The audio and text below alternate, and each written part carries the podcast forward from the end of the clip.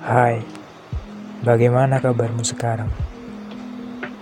Sudah lama kita tidak bertukar pesan seperti dulu. Menyakitkan jika harus membuka pesan-pesan itu kembali. Melihat dekatnya kita dan bagaimana kita saling menguatkan satu sama lain. Tulisan ini aku persembahkan untuk seseorang yang pernah membuatku jatuh cinta sedalam-dalamnya. Dia adalah seseorang yang mengajarkanku bahwa titik tertinggi mencintai adalah mengikhlaskan. Dia yang aku cintai sedalam-dalamnya dan harus aku ikhlaskan secara terpaksa.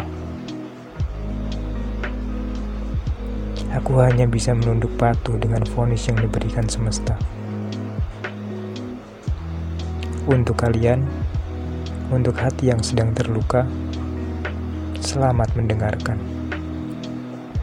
Semoga tidak ada lagi pengharapan besar yang membuatmu kecewa. Mari kita bergandeng tangan, mari kita pulih bersama.